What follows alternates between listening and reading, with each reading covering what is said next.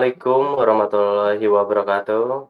Halo sahabat Mutiara, perkenalkan saya Trisno, agronomis untuk area Jawa Tengah. Ini adalah pertama kalinya saya menemani sahabat Mutiara di Temu Tani Online. Di edisi minial ini, saya bersama Aku Petani Indonesia akan membahas tentang tanaman yang lagi happening atau tren saat ini, yaitu tanaman porang. Dengar-dengar nih, aku petani Indonesia punya petani binaan di daerah Madiun. Ayo kita ulik nanti ya. Sahabat Mutiara, kami sudah hadir untuk Anda di TikTok. Nama akunnya NPK Mutiara. Di sana ada video dari Squad Mutiara yang menjawab pertanyaan-pertanyaan dari sahabat Mutiara, baik dari Facebook, Instagram, dan YouTube. Jika ingin bertanya, silakan tulis di bagian komentar ya. Silakan di-follow. Di sana konten-konten kami lebih singkat, ringkas, dan padat. Saya ulangi lagi ya tiktok.com npk mutiara. Seperti biasa, sebelum kita memulai, saya ingin mengingatkan sahabat mutiara, jangan lupa like video ini, kemudian subscribe YouTube NPK Mutiara, dan pentung tanda loncengnya ya. Kalau ingin berdiskusi, kami memiliki grup di Telegram kalau mau bahas mengenai pemupukan konvensional, bisa gabung di grup NPK Mutiara. Kemudian untuk budidaya hidroponik, bisa bergabung di grup hidroponik Mutiara. Bisa bergabung kedua-duanya juga boleh. Kita langsung sapa aja ya langsung kita hubungkan dengan Kang Iptika. Nah, udah terhubung. Halo. Kita langsung sapa saja ya. Assalamualaikum Kang Iptika. Waalaikumsalam Mas Trisno. Mas Trisno atau Kang Trisno nih kita manggilnya Mas? Uh, Akang boleh, Mas juga boleh nih. Akang juga boleh. Apa kabarnya Kang? Baik ya? Alhamdulillah baik. Semoga yang ini juga baik-baik semua ya, terhindar dari. COVID itu. Jangan lupa jaga protokol kesehatan untuk yang menghindari COVID ini karena sudah bahaya sekali nih. Iya betul betul Kang nih harus tetap menjalankan protokol kesehatan nih.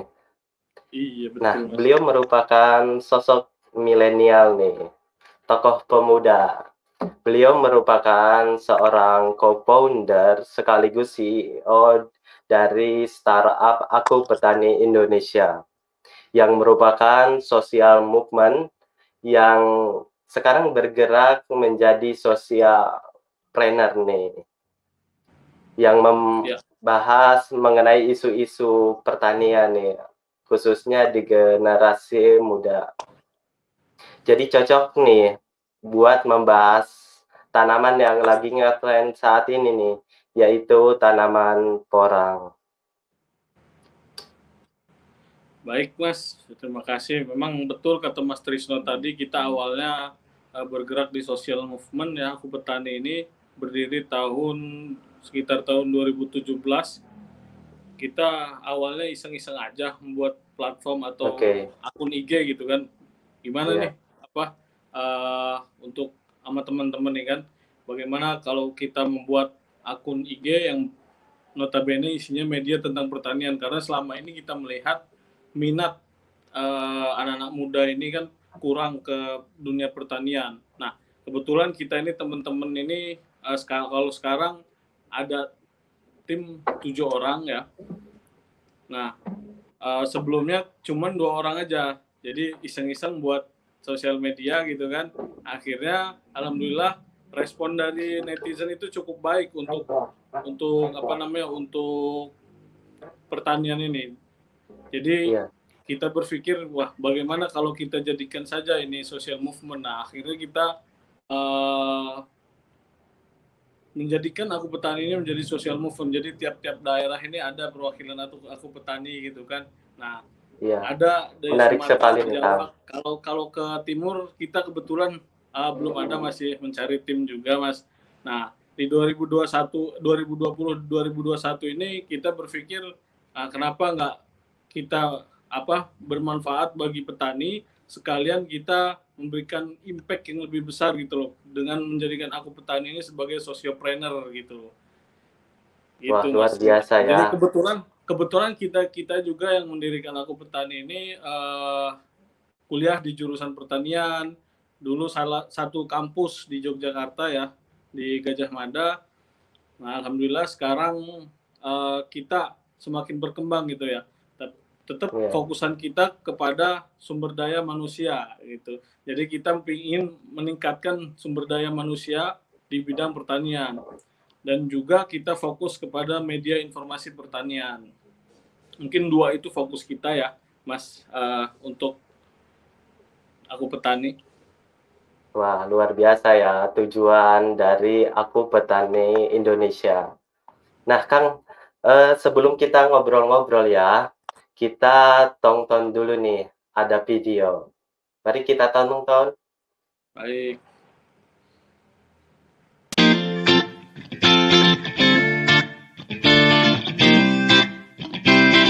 Menteri Pertanian Syahrul Yassin Limpo bersama Menteri Koordinator Bidang Pembangunan Manusia dan Kebudayaan Muhajir Effendi melakukan kunjungan kerja dalam rangka memanen umbi porang di Desa Kelangon, Kecamatan Saradan, Kabupaten Madiun, Jawa Timur. Menteri Pertanian mengatakan sejak tahun 2020, Kementerian Pertanian tengah mengembangkan komoditas porang secara optimal dengan mendorong komoditas ini baik dari hulu maupun hilir. Porang adalah jenis tanaman yang ada di hutan, khususnya hutan-hutan tropis. Tidak banyak negara yang memiliki seperti itu. Oleh karena itu, sejak 2020, Kementan coba memasukkan ini dalam komoditi pertanian. Jadi ini 2020 baru kita masukkan Ibu uh, Gubernur, Pak uh, Menko uh, dalam komoditi pertanian. Di dalamnya itu ada porang dan salah satunya sarang burung walet. Walaupun tanaman ini udah lama ada, karena ini tanaman hutan sebenarnya. Tanaman hutan. Sekarang burung walet itu burung-burungnya ada di gua. Ini seperti itu. Sekarang ini kita optimalkan bahkan orang itu ditanam satu kali tapi panennya per tahun. Tidak diambil juga kalau misalnya kondisi harganya lagi fluktuasi turun, taruh aja tetap di tanah dan dia akan makin besar.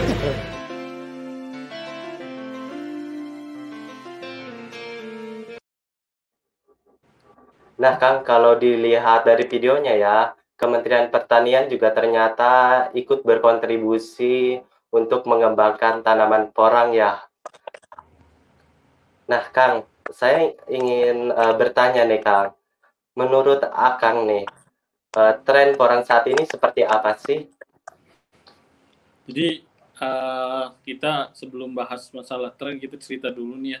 Uh, aku petani ini kan tadinya juga belum belum mulai confirm ya.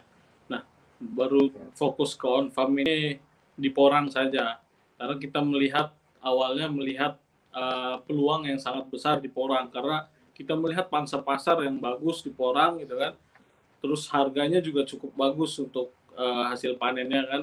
Nah, jadi dua tahun kemarin kita coba tanam porang kurang lebih ya dua tahun kemarin kita coba tanam porang di desa Bolo, kecamatan uh, Kare, Kabupaten Madiun, Jawa Timur.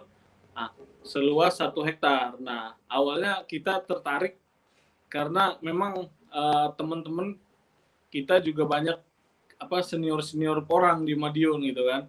Nah, kita coba belajar dengan uh, beliau-beliau ini yang sudah senior, bagaimana cara budidayanya, bagaimana cara apa namanya perawatannya, bagaimana cara pemasarannya. Nah, coba kita pelajari itu semua kan, karena kalau bicara masalah orang ini kan itu tadi pasarnya cukup bagus, apalagi pasar ekspor ya. Kedua, uh, potensi harganya juga cukup bagus, cukup baik. Nah, kebetulan memang uh, porang ini kan banyak sekali kegunaannya ya, banyak sekali kegunaannya untuk bahan-bahan makanan, bahan-bahan apa, bahan-bahan industri yang lainnya bisa juga. Nah, kita juga berharap dengan uh, boomingnya porang ini uh, menjadi dorongan untuk pemerintah agar bisa uh, menyeimbangkan hulu dan hilirnya. Tadi bagus ada Pak Mentan ya, tadi ke Madiun juga itu Mas uh, dikawal dengan Bu Gubernur Bu Hufif, Bu. Nah itu benar apa yang dikatakan Pak Mentan ini orang ini dulunya liar gitu kan. Cuman ketika uh, potensi pasar yang sudah mulai ada, nah orang ini mulai dibudaya budidayakan budidayakan sama uh, petani-petani atau pemula pertanian untuk terjun ke dalam pertanian ya kan apalagi di kondisi covid saat ini kan banyak uh, apa namanya pengusaha-pengusaha atau pegiat-pegiat yang lainnya gitu kan terjun ke dalam dunia pertanian karena yang masih stabil ini kan di dunia pertanian aja gitu loh. Nah, kurang lebih begitu sih mas. Kalau dari sudut oh. pandang aku petani sendiri. Iya. Apalagi sekarang uh, pemerintah juga ikut terlibat di budidaya porang ya. Kayaknya banyak banget stakeholder yang terlibat dalam budidaya porang ya kak. Iya. Jadi betul, ini benar-benar berprospek ke depannya. Nah, Kang, tapi kalau uh, akan membaca gimana nih? Kan saat ini porang lagi booming nih.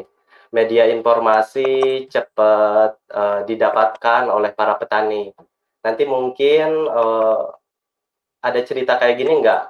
Lagi rame, semua orang rame menanam porang, kemudian nanti kita pas panen nih, kesulitan untuk uh, memasarkan porang itu sendiri. Gimana nih tanggapan Akang? Kalau untuk uh, hal itu memang uh, itu hukum ini ya, masuknya ke dalam hukum pasar. Jadi semakin tinggi supply, semakin kecil demand ya kan, semakin murah harganya, uh, terus semakin tinggi demand, nah semakin mahal harganya gitu kan. Jadi supply yang kurang. Ya kalau kalau bicara benar dan tidak benar itu memang kalau kita ambil dua perspektif ya nih mas ya. Nah benar dan tidak benar itu memang uh, jawaban kita. Nah benar karena memang supply yang semakin banyak tadi karena tidak sesuai demand ya kan. Jadi barang-barang ini murah lah gitu kan nggak nggak nggak ada yang minta tapi kita nanam gitu kan nah tidak benar tidak benarnya karena uh, secara tata niaga pertanian ya memang uh, logikanya kita ini harusnya cari cari pasar dulu, cari pasar, nah barulah kita berani nanam gitu kan. Karena apa? Uh, tujuan kita menanam ini kan untuk dipasarkan. Nah, kecuali makanan-makanan yang untuk di apa tanaman-tanaman untuk dikonsumsi sendiri gitu kan. Nah, ini juga berlaku untuk komoditas apa pun sebetulnya. Karena memang uh, saya pernah dapat cerita dari senior kita juga uh, di Pasuruan bahwasanya dulu dia disuruh nih ya nanam jabon nanam jabon. Uh, akhirnya dia ngajak nih teman-teman petani semua nih di wilayahnya. Nah akhirnya teman-teman petani semua ini nanam di wilayahnya jabon. Nah akhirnya ketika panen nah dia bingung apa ngejualnya gitu kan. Karena yang nyuruh tanam tadi itu tidak menyediakan pasarnya gitu loh. Nah ya. makanya uh, untuk mewanti-wanti ya kalau bahasa kitanya mewanti-wanti menjaga-jaga sebelum kita tanam alangkah baiknya kita cari dulu pasarnya gitu kan. Nah terbukti terbukti ketika kita uh, menanam di awal ya mas ya menanam di awal kita tahun 2019 akhir kita tanam nah, harga porang saat itu umbinya bisa sampai 11 sampai 12.000 per kilo. Nah, sekarang kita melihat fakta di lapangan, harga umbi porang ini cuma 7.000 sampai 7.500 per kilonya.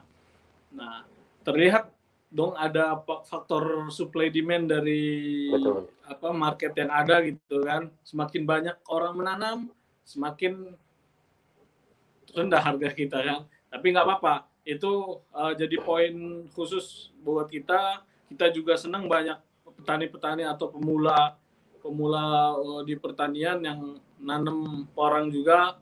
Nah, termasuk kita juga kan dua tahun kemarin baru kita tanam porangnya kan. Nah, bibit juga waktu itu ya mas ya, bibit kita jual, uh, sorry, kita beli 350 ribu per kilo. Itu isi 100 uh, biji ya, 100 bibit. Nah, sekarang harganya yang isi 1 kilo 100 bibit itu cuman 250. Nah, di kita bisa lihat jangka uh, waktunya ya dalam dua tahun saja sudah penurunannya drastis seperti itu kan. Nah, su supply-nya ini mungkin ke ini ya. Iya. Jadi walaupun porang nih lagi ngetren, lagi booming, lagi banyak dibutuhkan, tapi poin yang harus di uh, garis bawahi itu kita harus punya pasar dulu ya berarti Kak sebelum kita nanam. Betul, Mas. Nah, tapi ini ngomong-ngomong pemasaran nih Kang. Uh, sebenarnya uh, produk ini diekspor atau seperti apa sih Kang? Sehingga permintaannya lebih tinggi. Nah, sebetulnya kalau pasar ekspor, kalau kita melihat data yang disuguhkan Kementan ya, uh, Indonesia ini mengekspor porang tujuan terbesar uh, negaranya itu jelas Cina dan Jepang. Nah, uh, setahu saya di Cina ini apa namanya diperuntukkan ya untuk untuk bahan-bahan kosmetik, terus bahan-bahan industri. Nah, kalau di Jepang mungkin lebih ke makanan. Kita tahu uh, porang ini kan uh, banyak permintaan tadi tuh karena banyak manfaat dan kegunaannya juga nih, uh, Mas bukan cuma sebagai bahan tadi tuh bukan cuma sebagai bahan tepung tapi ya yeah. kita buat uh, lem ramah lingkungan bisa terus bisa jadi campuran industri bahan obat karena mengandung ini ya uh, eh, KGM tadi konjak glukomanan nah bisa juga kita jadikan bahan apa namanya pengganti agar-agar dan pembersih air nah sampai juga isolator isolator listrik juga bisa digunakan orang Banyak ini. Sekali ya. Jadi uh, karena kandungan glukomanan itu kan bisa mengentalkan ya. Jadi bisa kayak apa namanya kayak karet gitu kan untuk apa menghalangi listrik gitu mas. Nah mungkin kalau Jepang ini kan uh, sudah kita tahu dominan sudah sadar akan makanan sehat gitu kan karena si porang ini dijadikan tepung lalu kemudian dijadikan uh, siratake atau beras Jepang atau mie Jepang gitu ya untuk makanan-makanan sehat karena uh, rendah kalori dan rendah glukosa gitu. Jadi uh, kita bisa mengurangi resiko penyakit-penyakit yang disebabkan oleh penumpukan kalori atau penumpukan glukosa itu tadi, Mas. Wah banyak sekali ya olahannya. Berarti uh, kebutuhan porang di masa yang akan mendatang itu benar-benar banyak dibutuhkan ya, Kang? Iya betul, Mas. Nah, Eh, berarti kalau kita masih menjual porang dalam bentuk basah ya, umbi basah ya, Kak? Kalau kita Kebanyakan. menjual porangnya, uh, kalau kalau petani sih menjual porangnya kebanyakan masih bentuk mentahnya, bentuk porangnya. Nah, langsung dilempar ke industri. Nah, cuman ada juga beberapa petani yang ingin uh, kita teman-teman kita di Madiun juga sudah sudah ada yang menjual chipsnya. Jadi dicacah atau dipotong-potong dulu sekitar 0,8 cm. Nah, dipotong gitu kan. Nanti dijemur, dikeringkan jadi chips, dijual. Nah, itu harganya juga lebih tinggi juga dibanding jual porangnya saja atau umbinya saja gitu. Berarti kalau di dalam negeri atau di Indonesia sendiri sudah ada pabrik atau perusahaan yang support untuk mengolah porang nggak sih Kang? Tadi kan di luar negeri dibuat uh, mie, dibuat domestik dan sebagainya. Kalau di Indonesia sendiri seperti apa tuh Kang? Nah, kalau di Indonesia sendiri yang kami tahu ya, Mas ya, kebetulan kita tahunya uh, lingkup Pulau Jawa ya. Contoh di Madiun, uh, kita lihat kalau kita sering mantau Instagram Kementan, baru saja Pak Mentan itu kunjungan ke Madiun, ke pabrik uh, Asia Prima Conjunction, uh, pabrik APK, namanya PT APK. Nah, dia itu memproduksi sampai ke tepung dan sampai ke produk jadi end, end, end produk lah gitu ya sampai ke siratakenya nah jadi uh, ada beberapa juga pabrik-pabrik di Indonesia hanya memproduksi uh, tepungnya saja lalu diekspor ke Jepang ke China gitu kan. Nah jadi uh, berbagai macam wilayah sekarang ada. Di Madiun setahu saya di Madiun ada, di Pasuruan ada, di Semarang ada. Nah, yang terbaru ini ada di Bandung. Uh, kabarnya sih seperti pabrik APK tadi yang ada di Madiun. Jadi sampai produk uh, end end produk gitu, sampai siratakenya. Nah, cuman kebanyakan ya memang uh, dari petani kan kebanyakan ngirim orang ya ke pabrik itu ya. Nah, jadi pabrik itu cuman produksi sampai tepungnya saja gitu mas. Hmm. Berarti di lokal juga udah mulai berkembang ya pengolahan-pengolahan porang ini.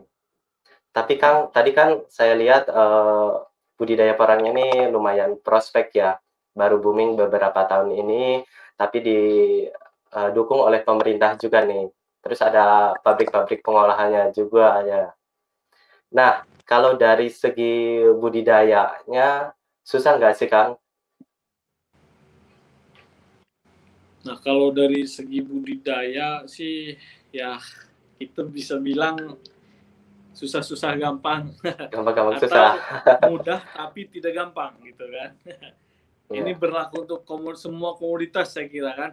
Kalau kita tekuni atau kalau kita seriusi uh, budidaya apa pun bisa kita lakukan tergantung cuaca dan tergantung bagaimana uh, tempat kita menanam ya kan. Nah kalau porang ini bicara masalah porang ini kan uh, kita porang ini apa uh, tanaman yang bagus ditanam di ketinggian maksimal 700 mdpl. Nah berapa sih pH yang bagus untuk untuk menanam porang ini kan yang kita tahu 6 sampai 7 pH-nya yang bagus untuk apa menanam porang. Kalau kalau terlalu asam ya bisa kita tangani kan dengan apa dengan cara-caranya memberikan dolomit atau apa gitu kan.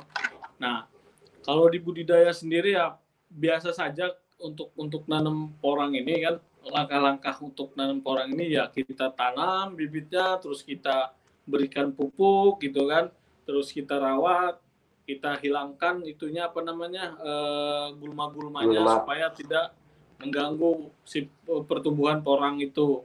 Jadi uh, perlu diperhatikan juga uh, letak tunas untuk tanaman porang ini harus menghadap ke atas. Jadi kalau kalau kita ini apa namanya uh, kita lihat kalau dari biji porangnya apa umbi porangnya ya si, si katak porangnya ini ya.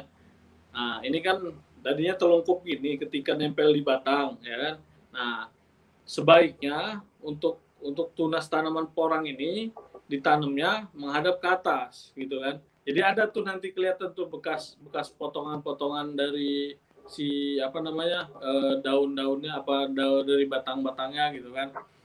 Nah mungkin kalau untuk penanaman ya seperti biasa gitu mas. Kita mengikuti uh, good agri culture praktis ya mas ya. Gap ini kan uh, ngomong-ngomong uh, bibit ya. Itu kalau menanam porang bibitnya ada apa saja? Atau pakai apa nih kalau mau nanam porang? Oh iya. Uh, saya menambah yang tadi dulu mas ya. Saya lupa ya, sedikit ya, karena uh, untuk untuk nanam porang ini kita kalau lahan kita di Madiun sana kita menanamnya di 40 kali 40 cm.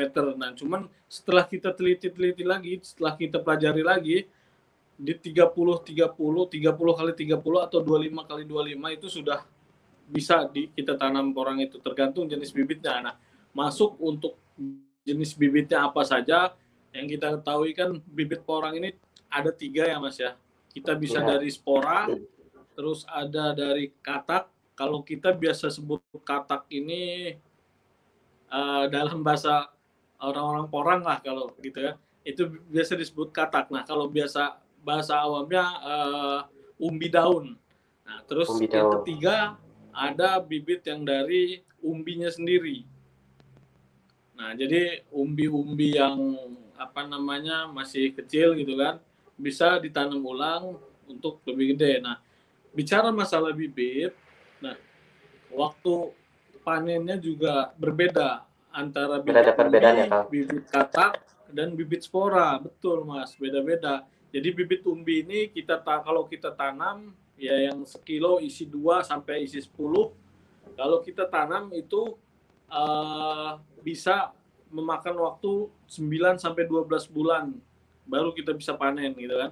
Nah, kalau dari bibit uh, katak atau umbi daun kita bisa nanam ini uh, sekitar 1,5 tahun sampai 2 tahun gitu, Mas. Nah, kalau yang spora, nah ini sampai 3 tahun karena spora-spora dari bunganya ini kan kecil-kecil ya, Mas ya. Jadi butuh waktu lama untuk untuk sampai proses panen gitu kan. Nah, kita juga uh, di aku petani kemarin sudah menanamkan uh, orang dua tahun yang lalu dari bim, dari bibit katak, dari bibit umbi daun. Nah, sekarang alhamdulillah kita sudah bisa panen itu apa namanya bibit-bibit umbi daunnya itu ya. Nah, dan juga uh, sedikit informasi bahwasanya uh, bibit daun uh, bibit umbi daun atau katak ini yang bagusnya ini ketika diambil ketika tanaman porang ini dorman. Nah, tanaman porang ini kan jenis tanaman yang dorman. Jadi kita bagusnya itu menanam ketika uh, awal musim hujan supaya kena hujan gitu kan. Nah, kalau ketika musim panas datang, nah biasanya si apa tanaman porang ini dorman, mati gitu ya. Tapi umbinya masih bisa tumbuh lagi ketika musim hujan datang lagi gitu loh. Nah, jadi si umbi kataknya ini bagusnya diambil ketika tanaman porang ini dorman. Jangan sampai kita mengambil umbi kataknya ini ketika tanaman ini masih seger gitu kan, masih seger wah, masih seger nih tanaman. Udah ada umbi kataknya cepet-cepet kita buat keuntungan gitu kan. Nah, saran saya jangan karena kalau diambil cepet-cepet nggak copot sendiri dari batangnya itu nanti ada luka di dalam uh, umbinya itu nanti bisa menyebabkan jamur mas. Oh, iya. Berarti kalau ngambil ubi nunggu tanamannya dorman dulu ya. Tapi kan kalau Betul. kita misalkan ngambil apa uh, si umbi ketiak nih, kalau mau ditanam harus disimpan berapa lama dulu? Nah, kalau kita kan uh, kita kebetulan kita juga juga ini ya Mas ya, ada umbi kataknya ini karena baru dipanen kemarin umbi kataknya ini kita biasanya karantina dulu 2 sampai 3 bulan. Nah, karantinanya seperti apa? Diler aja Mas. Kalau bahasa Jawa tuh diler ya. Di apa namanya ya? Disebarin gitu ya di dataran ya. gitu kan, di rak-rak, di rak-rak, diler.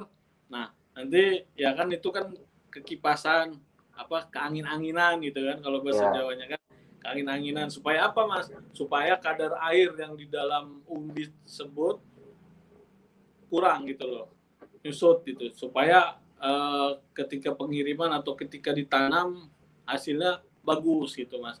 Nah untuk informasi juga kan uh, biasanya uh, sekarang nih mas ya. Karena lagi booming boomingnya nih mas uh, kita nanam porang ini uh, punten biasanya banyak juga oknum-oknum, punten oknum-oknum yang menjual bibit gitu kan, menjual bibit bukannya bibit porang yang dijual, malah bibit suak iles-iles gitu kan yang dijual.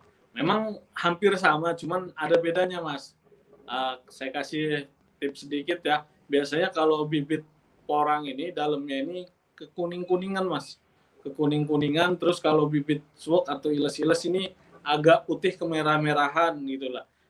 Yang sangat bisa apa apa namanya kita bedakan gitu kan tanaman porang, tanaman iles-iles atau tanaman swok. Nah, si porang ini tumbuh katak gitu. Tadi tuh umbi ketiak tadi, umbi daun.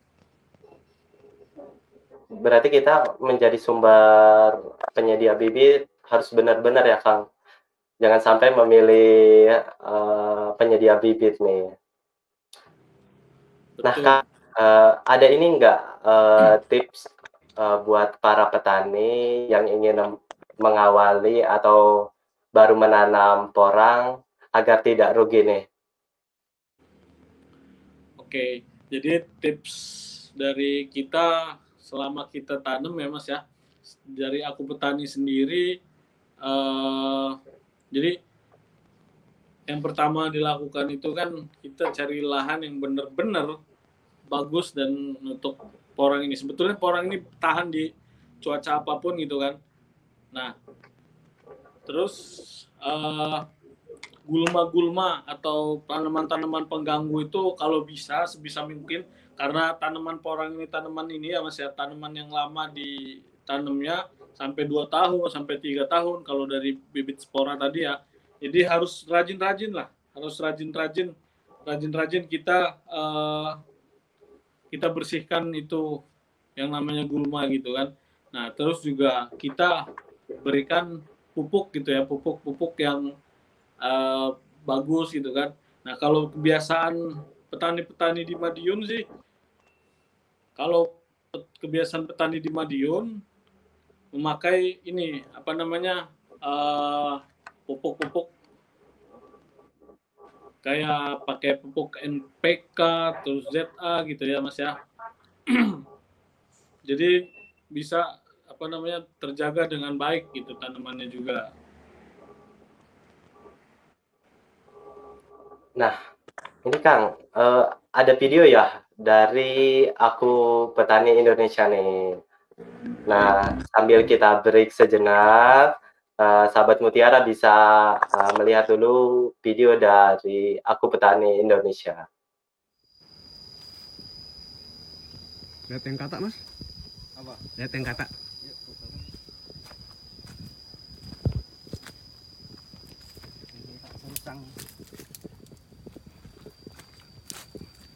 biar nggak roboh lah iya ya sudah berdiri ini kemarin jatuh gitu tidur di tanah. Oh. Ini sudah kuat lagi